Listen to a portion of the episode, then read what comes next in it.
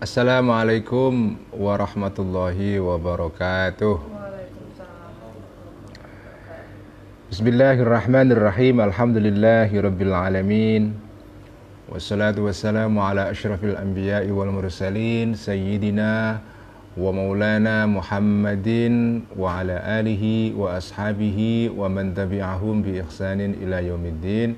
Rabbi syrah li sadri wa yassir li amri wa hlul 'uqdatam min lisani yafqahu qawli rabbi zidna ilma warzuqna fahma. Amin. Ya rabbal alamin.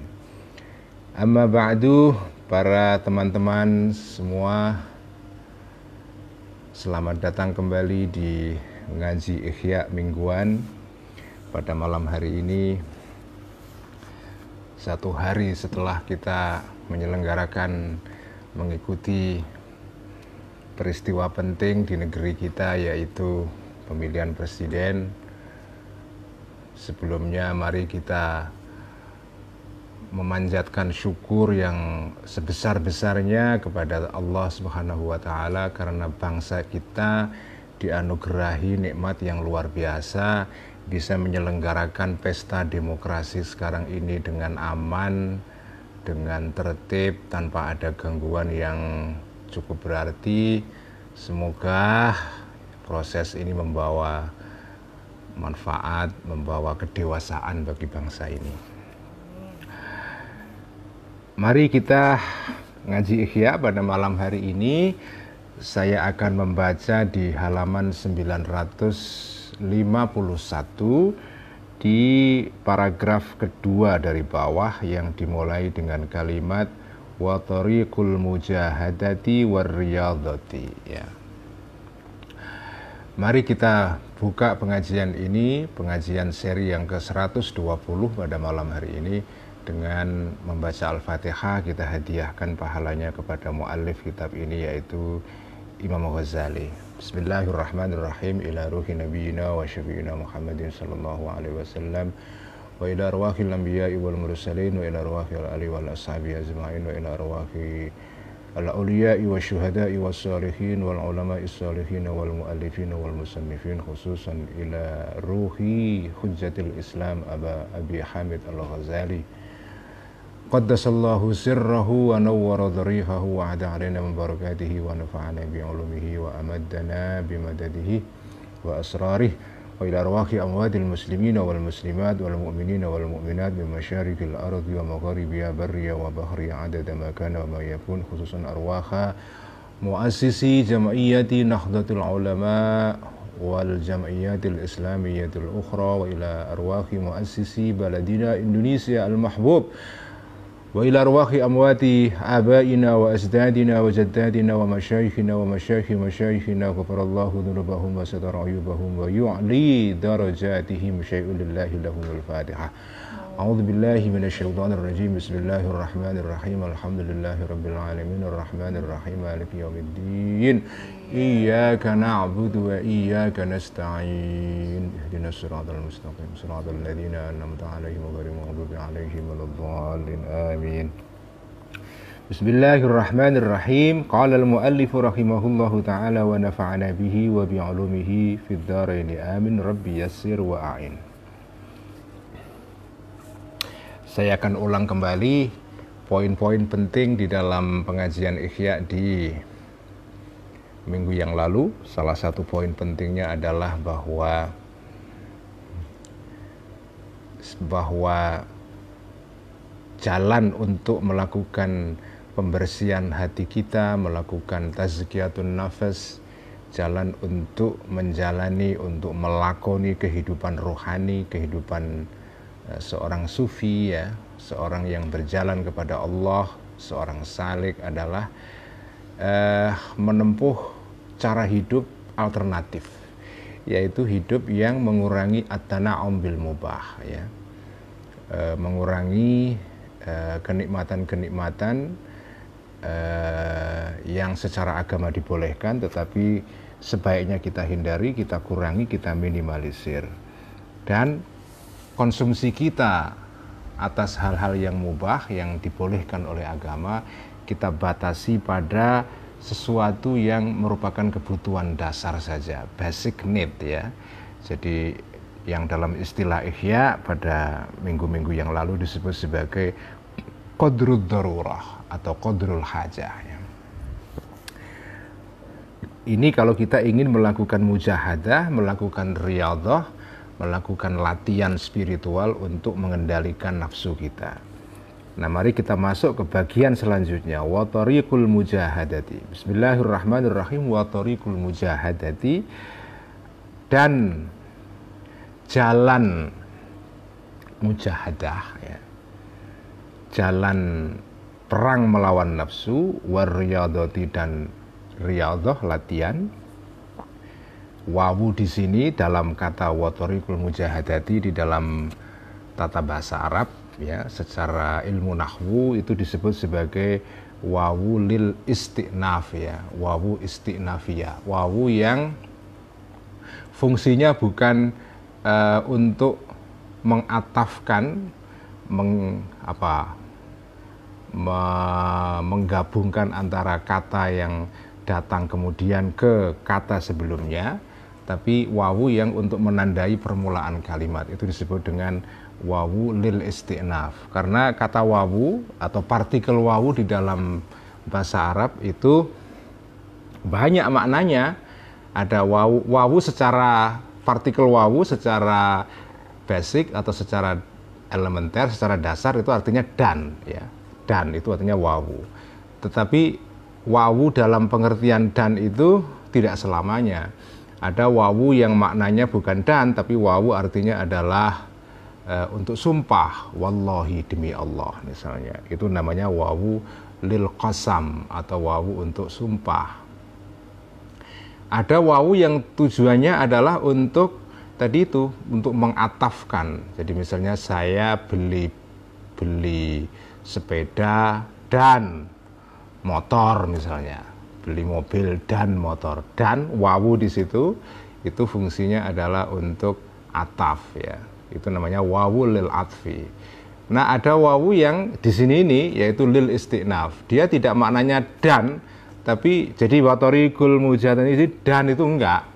Jadi sebetulnya enggak ada maknanya wawu di sini itu. Bisa kita maknai dengan adapun jalan untuk mujahadah misalnya. Karena wawu di sini bukan untuk dan untuk eh, apa menghubungkan antara kata ini dengan kata sebelumnya enggak. Tapi di sini wawu menandai permulaan kalimat ya. Itu disebut dengan wawu istinafiyah watorikul mujahadati ya uh, jalan uh, utawi maksudnya utawi mutada ya jalan untuk perang melawan nafsu wariyadati dan latihan spiritual likulli insanin bagi setiap manusia takhtalifu berbeda-beda ya bihasabi bihasabi ikhtilafi ahwalihi berdasarkan perbedaan keadaan-keadaannya al-insan tadi. Jadi jalan untuk laku spiritual, untuk mujahadah, training spiritual itu ya beda-beda. Ya sudah tentu ya karena masing-masing orang punya kondisi mental spiritual yang beda-beda. Jadi latihan spiritualnya juga nggak sama. Tetapi meskipun latihan spiritual tidak sama antara satu orang dengan orang yang lain, tetapi ada kaidah dasar, ada bottom line-nya. Wal aslu fihi ya. Wal aslu uh, adapun kaidah pokok ya. Fihi di dalam jalan untuk mujahadah tadi itu. Torikul mujahadah. Ayat ruka khobarnya wal aslu an yatruka adalah Eh, meninggalkan kullu wahidin setiap orang ya. Meninggalkan apa? Ma maf'ulnya yatruka an yatruka kullu wahidin ma sesuatu bihi yang dengan ma atau barang sesuatu tadi itu farahuhu uh, sebab gembiranya sebab uh, kesenangannya al insan atau kul wahid ya masing-masing orang itu tadi. Min asbabid dunia yaitu ya min asbabid dunia ini min lil bayan atau min bayaniyah yaitu jadi kalau min lil bayan itu maknanya yaitu karena untuk menerangkan kata ma sebelumnya tadi itu. Sesuatu itu apa maksudnya? Makanya ini namanya min lil bayan ya. Min asbabid dun, uh, dunya yaitu ya sebab-sebab keduniawian ya jadi jadi kaidah dasarnya orang untuk latihan spiritual adalah ya meninggalkan apa pun yang menjadi sumber kesenangannya, menjadi sumber enjoymentnya. Ya. Kesenangan dia apa? Karena itu falladhi, maka orang yafrahu yang gembira bil mali karena harta, au bil jahi atau karena karena pangkat, karena status sosial, au bil qabuli atau karena diterima fil wa'zi di dalam memberikan nasihat ya. Ini tukang ceramah misalnya dia diterima oleh publik disenangi misalnya. Bil izzi atau gembira karena uh, kehormatan ya fil qodoi di dalam tugas menjadi seorang qadhi ya wal wilayati dan tugas sebagai kepala daerah gubernur ya wali al-wali ya, jadi gubernur. Uh, au bikasratil atba'i atau karena banyaknya pengikut murid-murid, mahasiswa, santri ya, fitadrisi di dalam hal ngajar wal ifadati dan memberikan ilmu ya. Maka kalau ada orang gembira karena tadi hal-hal tadi itu fayam bagi maka seyogianya ya an yatruka fa'ilnya yang bagi an yatruka meninggalkan kullu wahid tadi ya setiap orang tadi itu. Awalan pertama-tama ma sesuatu bihi yang melalui ma farohuhu ya e, sebab kegembiraannya orang tadi kullu wahid tadi itu ini agak berat ya. Ini ini adalah strategi perang melawan nafsu atau riadoh mujahadah yang amat berat. Dan ya saya tahu ini ini tidak semua orang bisa ya. Jadi ini triknya Al Ghazali cara terbaik untuk melawan hawa nafsu mujahadah adalah kita meninggalkan sesuatu yang menjadi sumber kesenangan dia. Sumber kenikmatan seseorang sumber kenyamanan ya uh, comfortability ya sources of comfortability sumber-sumber orang merasa nyaman itu kan nggak nggak sama. Ada makanya, makanya diterangkan di sini ada orang yang merasa nyaman karena punya harta, ada yang nyaman karena status sosial, ada yang nyaman karena merasa nyaman, merasa comfortable karena sebagai seorang juru ceramah diterima publik, populer misalnya. Banyak sekali sekarang ya. Atau karena merasa merasa memiliki status sosial yang tinggi bila izzi ya, ke, apa merasa hebat, merasa keren ya. Fil qadai karena dia menjadi seorang hakim qadi di sebuah wilayah atau menjadi kepala daerah al wilayah ya. Atau karena punya banyak santri fit tadrisi wal ifadah punya banyak santri entah santri online atau santri offline ya. Pokoknya santri punya banyak santri disenangi para santri-santri dan seterusnya. Nah itu semua harus ditinggalkan. Karena begitu kita sudah punya kesenangan karena hal-hal tadi itu kita merasa nyaman karena hal-hal tadi itu itu adalah bukti atau pertanda itulah pertanda indikasi bahwa kita sudah terikat dengan sesuatu karena mujahadah itu artinya adalah melawan hawa nafsu dan nafsu kita menyukai hal-hal tadi itu harus kita lawan.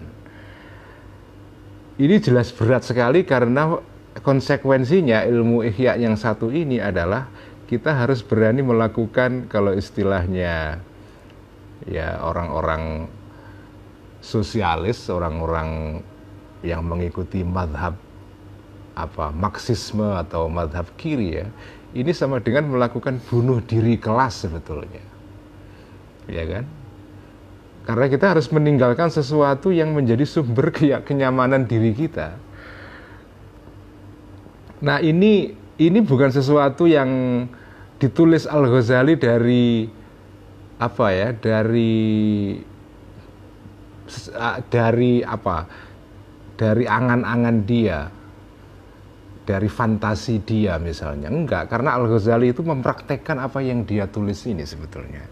Kita tahu ini sebetulnya berkaitan dengan sejarah biografi langsung Al Ghazali. Karena Al Ghazali pernah mengalami eh, seperti sudah sering saya ceritakan ya beliau pernah mengalami krisis spiritual dan akhirnya meninggalkan seluruh jabatannya, pekerjaan beliau. Dia menjadi rektor Universitas Nizamiyah ya di Baghdad. Itu perguruan tinggi yang paling keren pada zamannya itu semacam semacam Harvard University-nya kota Baghdad pada saat itu ya. Ditinggalkan semua murid-muridnya yang ada sekitar 300 orang yang itu merupakan murid-murid S3 ya. Murid-murid uh, pasca sarjana ditinggalkan semua oleh Al Ghazali keluarganya ditinggal perpustakaan pribadinya ditinggal harta bendanya ditinggal kemudian Al Ghazali pergi ke apa ke suatu tempat melakukan uzlah atau mengisolasi diri melepaskan diri semua dari ikatan-ikatan duniawi ini kemudian menjadi seorang ya seorang seorang yang melakukan meditasi, orang yang uzlah di situ. Nah, tentu saja yang bisa melakukan ini tidak semua orang ya. Uh, Al Ghazali mampu, tapi kita tentu susah ini. Tapi meskipun begitu, meskipun begitu ya, meskipun kita tidak bisa me mengaplikasikan secara total ilmu yang diajarkan di sini, tapi minimal ini memberikan perspektif ya. Jadi intinya, jadi kita kita coba pahami intinya ajaran ini apa. Ajaran inti in, intinya ajaran ini kan sebetulnya kita pelan-pelan melatih diri untuk tidak terikat sebetulnya. Jadi ini adalah semacam the ethic of non attachment ya. Ini adalah akhlak perilaku untuk sikap untuk tidak terikat dengan sesuatu yang membuat diri kita nyaman karena kalau kita terikat di situ kemudian di situ muncul hawa nafsu muncul syahwat itu. Jadi ini sebetulnya ini ajaran radikal sekali terus terang ya. Jadi jadi ini ajaran yang radikal sekali. Jadi tapi ini penting untuk kita karena karena apalagi saat ini ya kita sekarang hidup di satu era di mana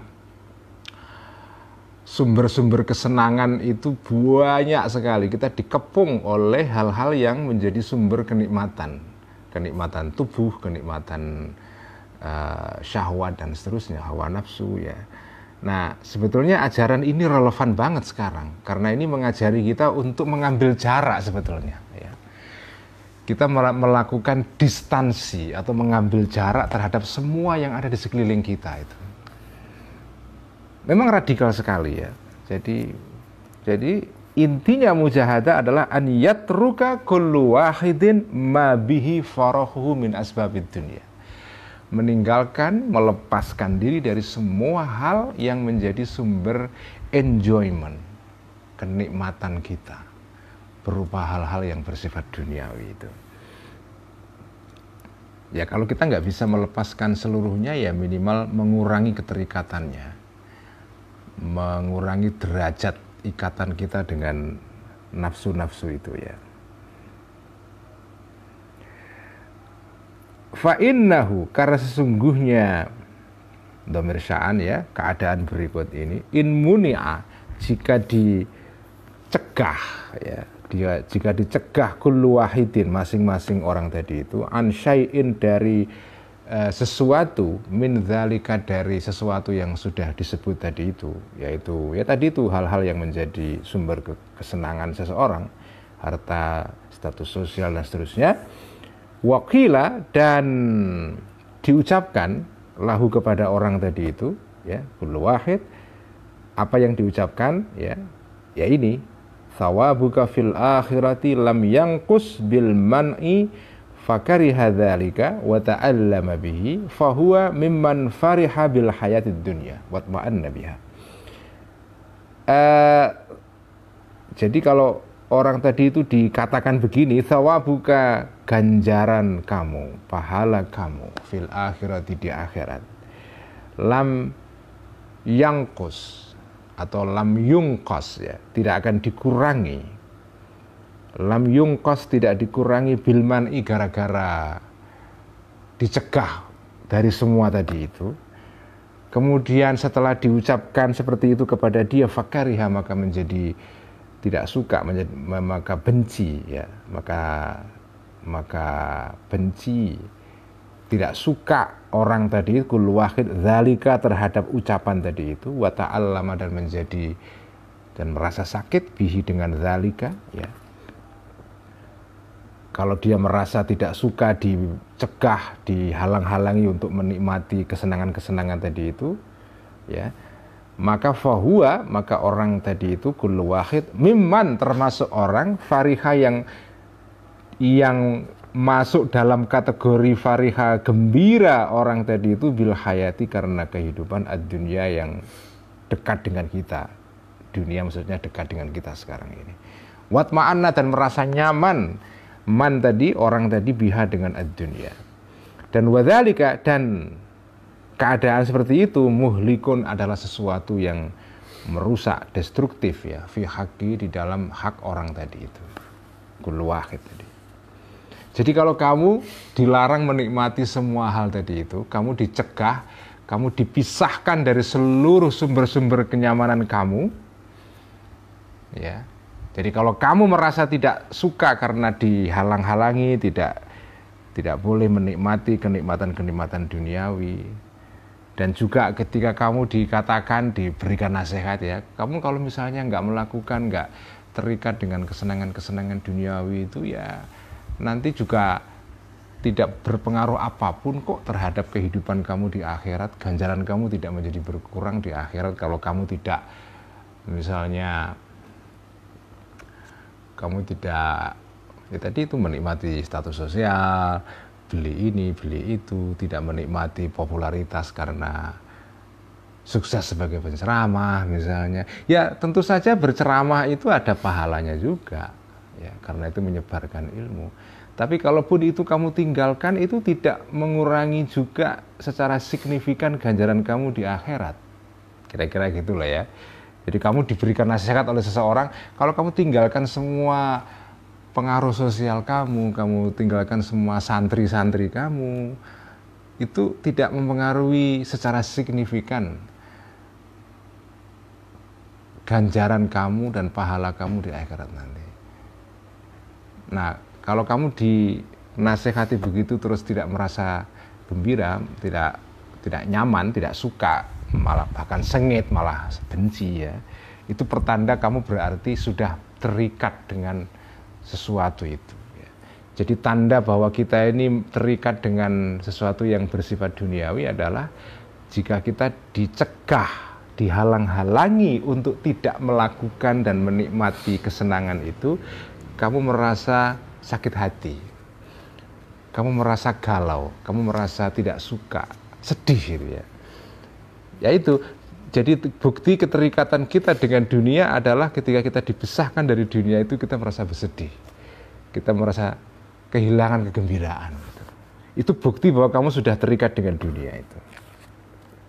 Nah, begitu kamu sudah terikat dengan dunia seperti itu, maka itu semua menjadi sumber uh, kerusakan bagi diri kamu itu. Ya, sekali lagi ya, ini menegaskan apa yang sudah sering saya katakan ini memang ihya itu mengajarkan kita untuk menjalani uh, an alternative lifestyle ya. Jadi cara hidup yang agak beda memang. Orang lain menikmati dunia, ini justru ihya justru uh, mengajak kita untuk menjauh dari situ semua itu. Jadi ini kayak apa ya? Kalau Anda masih ingat tulisan lama Gus Dur di buku yang diterbitkan LP3IS dulu ya judulnya Islam eh, pesantren sebagai subkultur. Nah masih ingat kan? Gus Dur pernah nulis artikel panjang sekali ya judulnya pesantren sebagai subkultur.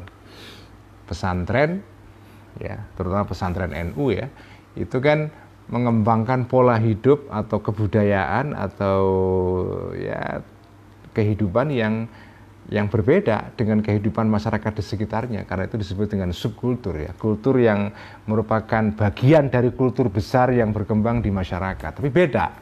Pesantren itu salah satu subkulturnya uh, budaya hidupnya antara lain dibentuk oleh hal-hal seperti ini karena seperti kita tahu Ihya itu kan kitab unggulan di pesantren kan dibaca sejak dulu. Dan membentuk cara hidup para santri. Kalau kehidupan di luar isinya itu memuja dunia, pesantren malah mengajak menjauh misalnya. Waktu saya dulu ngaji di Kajen ya, eh, sekolah di madrasahnya Kiai Sahal Mahfud, Allah yarham, eh, Kiai Sahal Mahfud di Matoliul Falah misalnya, itu ajaran kiai-kiai saya dulu di sana termasuk ya almarhum Allah yarham Ki Abdullah Salam ya, Bahdullah Salam. Itu salah satu ajarannya adalah santri atau murid yang sekolah di Madrasah Matoliul Falah dilarang untuk ikut ujian negara. Kalau ada murid Madrasah Matoliul Falah ikut ujian negara maka dia akan langsung dikeluarkan. Dan itu serius ya, dikeluarkan beneran ada beberapa murid siswa yang dikeluarkan dari sekolah gara-gara ikut ujian negara. Filosofinya apa? Karena menurut cara pandang ya Mbah Dullah dan kiai-kiai saya ketika itu, kalau kamu sekolah kok ikut ujian negara itu asumsinya nanti kamu kepingin mendapatkan sesuatu dari ijazah kamu. Jadi ilmu kamu cari sebagai sumber untuk mencari uh, dunia Padahal ajaran dalam pesantren itu ilmu ya harus dicari untuk Allah dan untuk untuk ilmu itu sendiri. Ilmu dicari sebagai jalan kebahagiaan. Jalan untuk mengabdi kepada Allah, jalan untuk men mencari kebahagiaan. Bukan untuk mencari dunia, menjadi kaya, menjadi orang alim yang dipuji banyak orang. Kalau itu semua tujuan kamu, ya, maka ilmu kamu menjadi tidak bermanfaat, tidak berkah itu. Jadi ilmu itu ijazah negara itu kan dalam pandangan banyak orang menjadi sumber untuk uh, apa ya untuk untuk untuk kemudahan bekerja dan seterusnya kan. Jadi ini salah satu menurut saya ini salah satu bentuk subkultur pesantren. Pesantren mengembangkan satu pola hidup yang memang seperti berkontras dengan cara hidup yang berkembang di masyarakat ya. Orang semua ingin mencari dunia dengan ijazah, ini justru malah Mbah Salam mengenalkan satu pola pandang hidup yang anti ijazah, anti diploma.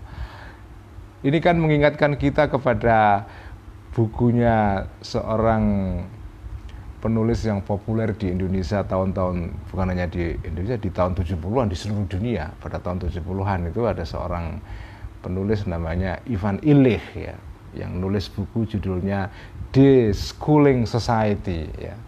Masyarakat yang yang anti sekolah ya. Karena dianggap sekolah itu justru menjadi di dalam masyarakat yang kapitalistik menjadi sumber apa eh, menjadi sumber yang memerosotkan eh, nilai-nilai uh, kemanusiaan.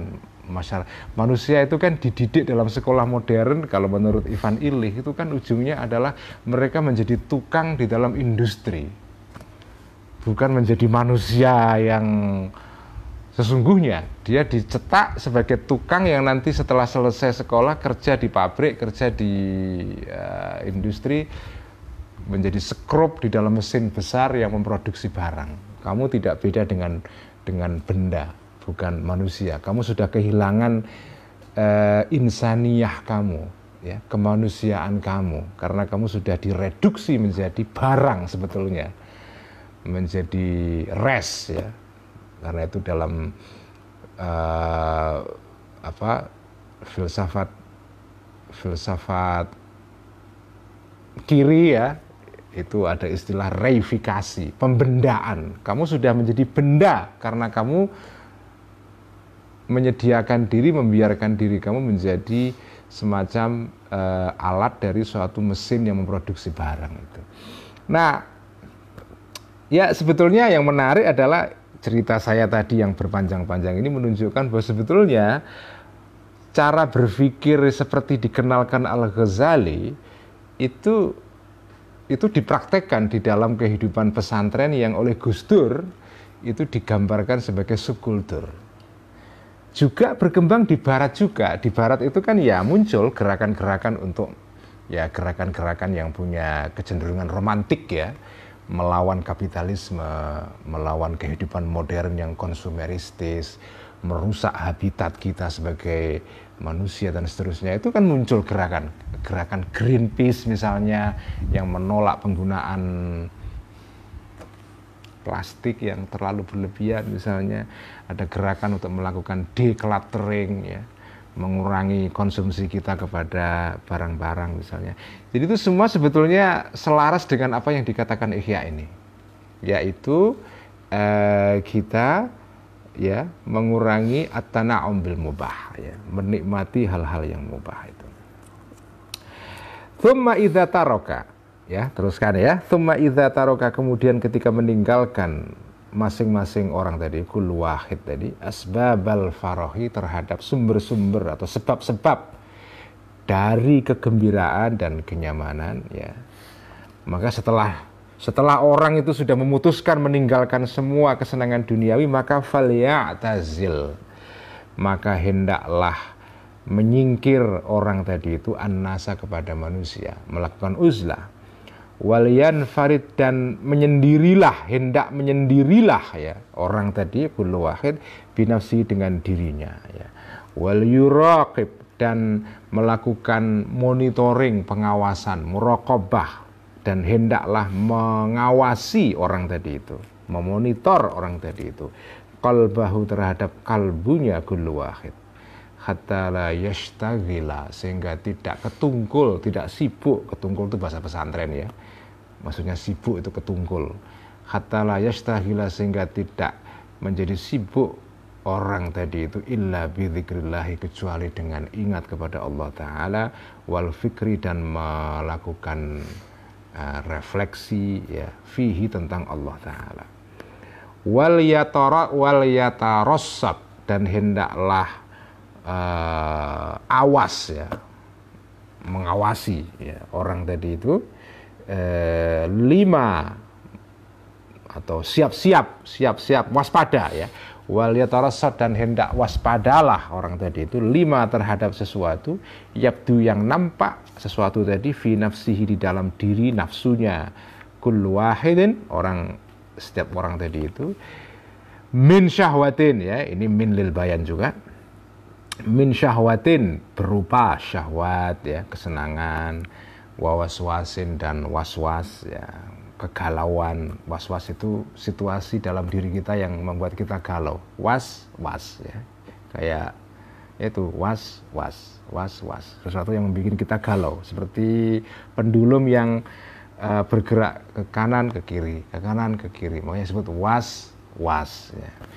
Hatta yakma sehingga uh, mengendalikan sehingga bisa mengendalikan kullu wahidin masing-masing orang tadi itu madatahu uh, terhadap asal atau pokok dari ma tadi itu atau akar dari ma tadi sesuatu tadi itu mahma zoharo kapan saja muncul ma tadi itu Fa inna likulli waswasatin. Karena sesungguhnya mas bagi setiap waswas ya situasi galau setiap situasi keraguan-raguan dalam diri kita sababan ada sebabnya.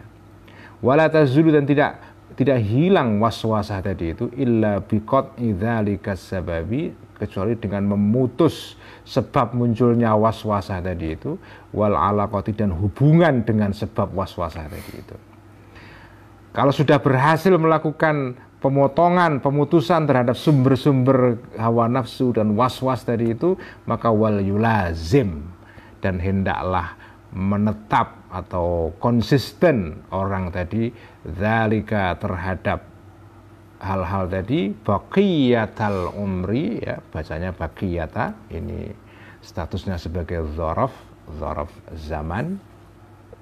Baqiyatal umri selama uh, sepanjang umur ya. Falai, karena falaisa karena tidak ada lil jihad bagi jihad atau perang melawan nafsu akhirun ada akhir illa bil mauti kecuali dengan mati dengan kematian itu ya.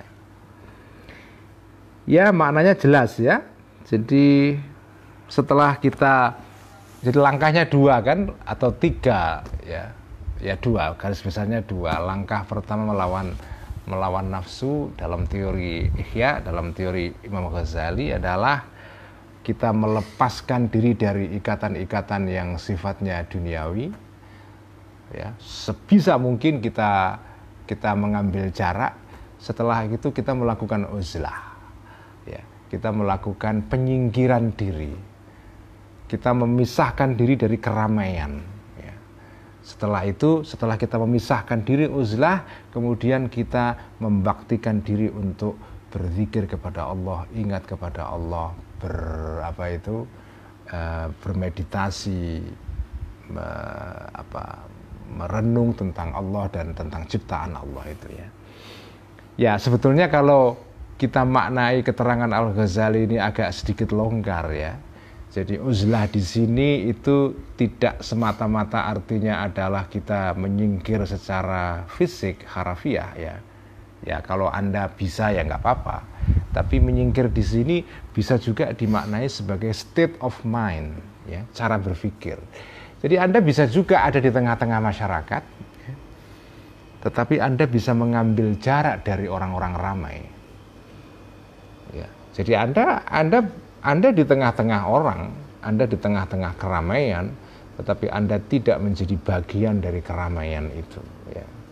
Itu kan makanya makanya sekali lagi saya ingin tekankan bahwa di, yang disebut dengan jalan sufi itu itu bisa harafiah Anda melakukan tindakan-tindakan yang seperti disarankan dalam kitab Ihya ini uzlah artinya ya kamu uzlah pergi ke tempat yang jauh dari keramaian seperti yang pernah di dilakukan oleh Imam Ghazali, tapi juga bisa berarti jalan sufi, jalan spiritual itu artinya adalah state of mind. State of mind ini adalah cara berpikir, cara kamu bersikap. Jadi kamu uzlah itu bisa juga artinya kamu tetap berada di tengah-tengah keramaian manusia, tidak pergi ke gunung untuk menyepi, tapi kamu sejatinya bisa memisahkan diri dari keramaian itu dalam diri kamu. Jadi pikiran kamu walaupun bersama orang ramai tapi tidak bersama mereka. Jadi di sini uzlah adalah uzlah mental, bukan uzlah yang fisikal, yang bersifat fisik ya. Jadi ya, tapi kalau kamu bisa uzlah fisik itu malah lebih bagus ya. Karena memang biasanya saudara-saudara ya, biasanya orang itu kalau bersama orang lain di tengah-tengah keramaian ya susah untuk untuk untuk mengkondisikan diri kita itu tetap apa terpisah dari orang ramai. Walaupun di tengah-tengah orang ramai itu kan kadang-kadang ya susah. Kalau kita sudah bersama orang ya sudah akhirnya kita ikut banyak orang kan? Nah cara terbaik untuk melakukan penjarakan atau mengambil jarak dari orang ramai itu uzlah itu ya sudah kamu pergi memang. Kamu pergi ke tempat yang sepi dan memang saya jadi ingat ya kemarin di Surabaya saya ketika kuliah di depan teman-teman mahasiswa di UIN Surabaya mengutip mengutip beberapa kali pengarang Israel namanya Noah Yuval Harari ya yang nulis buku yang larisnya kayak kacang goreng itu Homo sapien itu.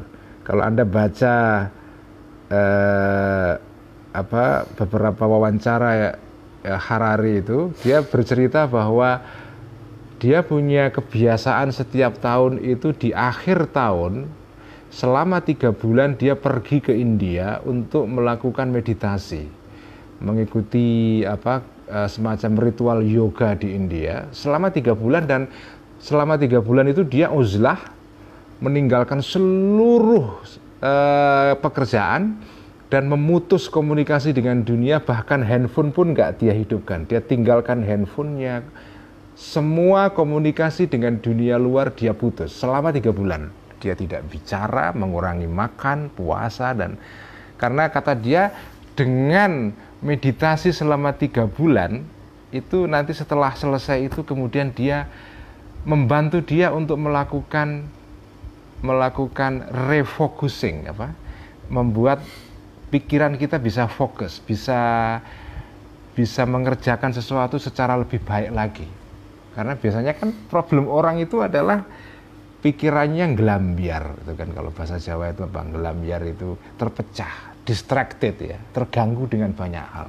Makanya zikir kepada Allah itu kan sebetulnya membuat diri kamu itu terfokus itu kayak membuat diri kamu yang semula pecah ke mana-mana mengalami distraksi gangguan dengan zikir itu kamu seperti mengumpulkan diri kamu itu seperti gathering yourself ya.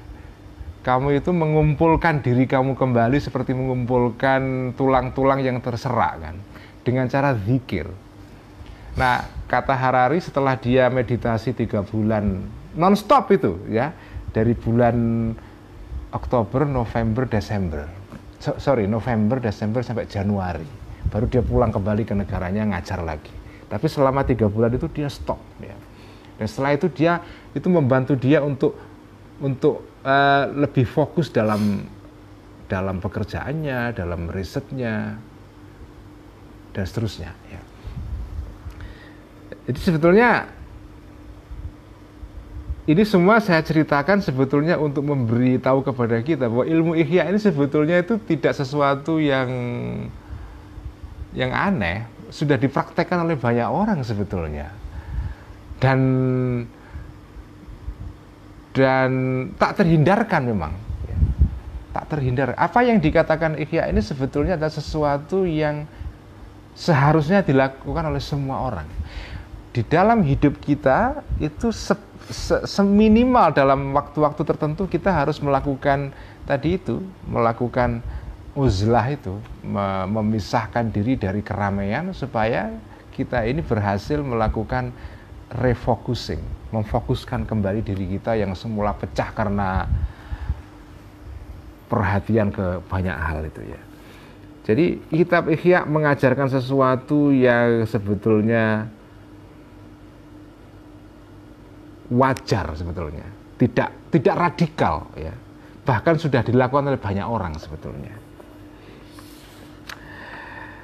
Baik, jadi selesai sudah Eh, bagian tentang uh, apa itu bayanu syawahidin nakli min arbabil basair seterusnya. Ini kita selesai dari uh, bab atau subbab ini. Kita masuk ke subbab yang baru ya. Babu alamati husnil khuluqi. Jadi kita masuk ke subbab yang baru yaitu keterangan ini adalah keterangan penjelasan tentang tanda-tanda akhlaknya akhlak yang baik atau baiknya akhlak ya. Karena ini kan semua kita masih di dalam uh, bab tentang akhlak ya, tentang akhlak. Nah, apa tanda-tanda akhlak yang baik itu? Nah ini, i'lam, ketahuilah. Anna kulla insanin, sesungguhnya semua orang jahilun pada dasarnya adalah tidak tahu, bodoh, bi'uyu binafsihi tentang cacat-cacat diri orang itu. Ya. Jadi ini, ini kaidah penting dari Al-Ghazali ini. Kullu insanin jahilun bi'uyu binafsihi. Semua orang itu pada dasarnya tidak tahu ya tentang kekurangan dan cacat dirinya. Tapi dia tahu cacatnya orang lain.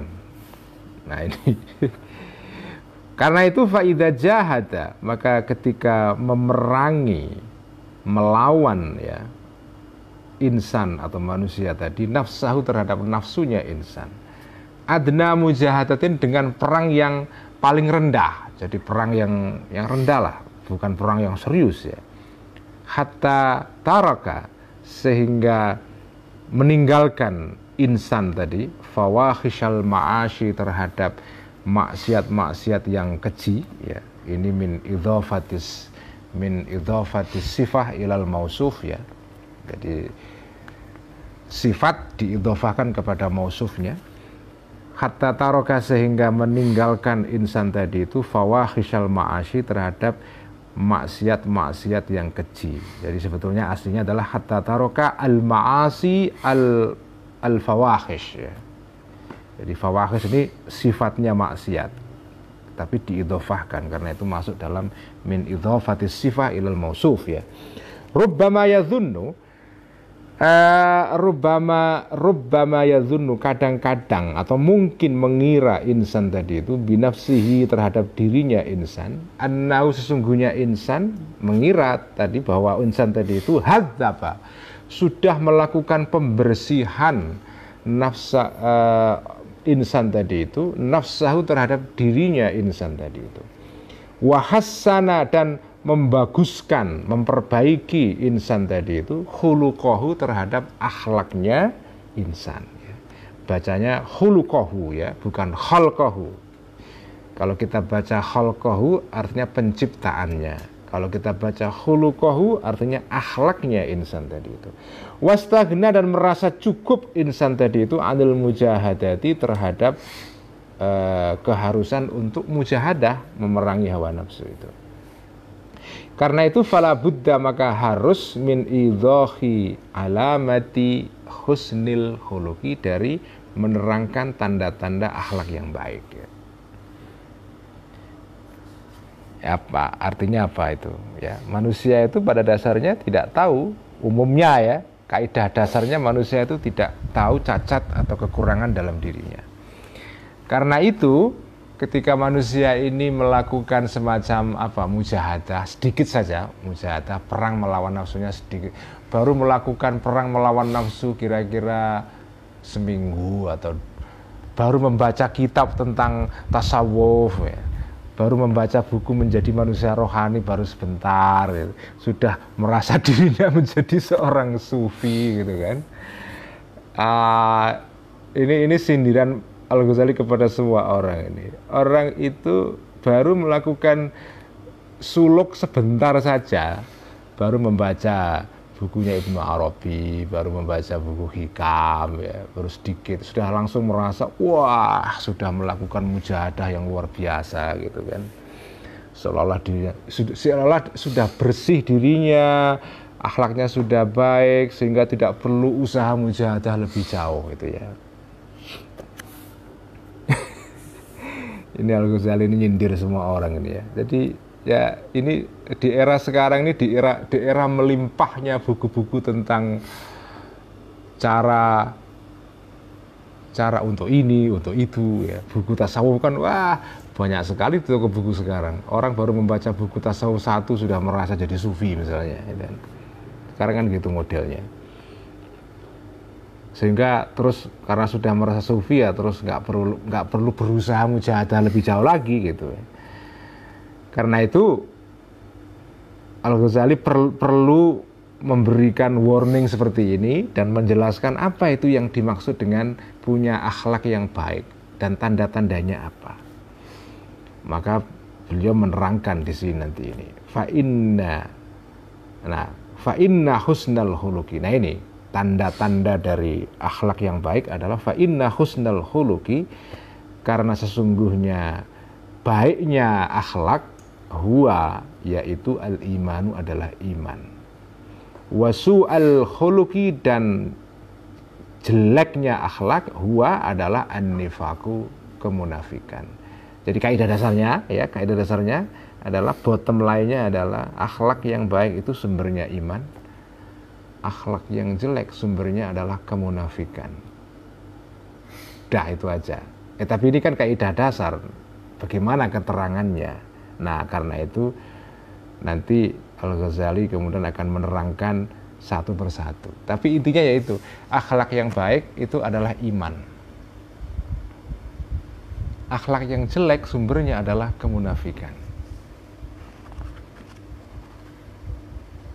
Ini ini dasar sekali ya uh, kaidah yang dikemukakan oleh Al Ghazali ini dasar sekali. Jadi sumber dari akhlak yang baik itu adalah iman. Kalau ada iman kok tidak membuahkan akhlak, berarti something wrong with our iman. Pasti ada masalah dengan iman kita itu. Karena iman itu sumber akhlak. Kemunafikan itu sumber akhlak yang jelek, yang keji. Akhlak yang baik sumbernya adalah iman. Kalau ada iman kok tidak mewujud mengejawantah di dalam bentuk akhlak yang baik, tindakan yang baik, berarti ada yang salah. Ada yang salah itu. Karena iman otomatis konsekuensinya adalah langsung menimbulkan akhlak. Akhlak itu apa? Akhlak itu pertama mengingat atau me mengulang kembali yang disampaikan oleh Al Ghazali pada bagian sebelumnya jauh sekali ya. Akhlak itu kan mula-mula adalah apa? Hayatun rosihatun finafsi kan. Jadi sikap yang permanen menetap dalam diri kita, bukan datang pergi. Jadi sikap, nah tapi dari sikap itu kemudian timbul tindakan, dan tindakan itu kalau dilandasi sikap seperti itu itu tindakan itu mengalir dari kita tuh alamiah sekali itu. Tanpa dipaksa-paksa tanpa di tidak artifisial ya. Jadi akhlak itu ya memang watak watak yang alamiah. Tapi watak alamiah yang uh, dilatih ya Makanya disebut akhlak itu sebagai second habit, ya, kebiasaan kedua.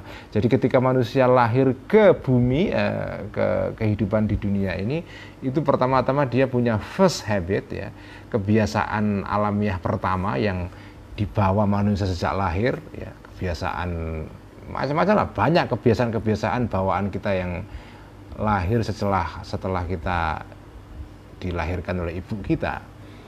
Tapi ada tabiat kedua, second habit ya. Tabiat kedua yang itu muncul setelah kita latih diri kita. Entah itu kebiasaan kita memberi kepada orang, itu kan memberi kepada orang atau bersikap dermawan itu kan tidak muncul begitu kita lahir ke muka bumi. Itu harus latihan dulu. Nah, dilatih sebegitu rupa sehingga latihan itu membuat kita bisa melakukan sesuatu secara alamiah seperti alamiahnya kita melakukan sesuatu yang merupakan bawaan sejak lahir itu. Jadi iman itu adalah konsekuensinya akhlak yang baik dalam bentuk tindakan yang alamiah. Ya. Sementara kemunafikan itu adalah sumber dari tindakan-tindakan yang jahat. Ya. Nah, apa itu tanda-tanda akhlak itu? Mari kita baca nanti di ngaji Ikhya uh, di Jogja. Ya Mbak Admin ya. Tanggal di 20. tanggal 22 ya. Di uh, pesantren Kali Opak di tempatnya uh, Mas uh, Jadul Maula, Kiai Jadul Maula di Jogja teman-teman yang di Jogja silakan ikut uh, kalau yang tertarik ngaji Ihya Kopdar nanti tanggal 22 jam sama jam 8 seperti ini sampai jam 9 di pesantrennya Kiai Jadul Maula di Kaliopak di Yogyakarta. Saya kira cukup ngaji Ihya sekian saja malam ini karena malam ini agak berat ngaji Ihya ya isinya berat sekali ya. Jadi jangan banyak-banyak nanti bisa kewalahan kita. Jadi mari kita teruskan ngasih ya pada minggu depan. Semoga kita ya berdoalah supaya kita bisa latihan pelan-pelan ya mengamalkan uh, isi kitab Ihya ini. Sekian, mari kita tutup dengan bacaan alhamdulillah alhamdulillahirabbil alamin. Wassalamualaikum warahmatullahi wabarakatuh. Waalaikumsalam warahmatullahi wabarakatuh.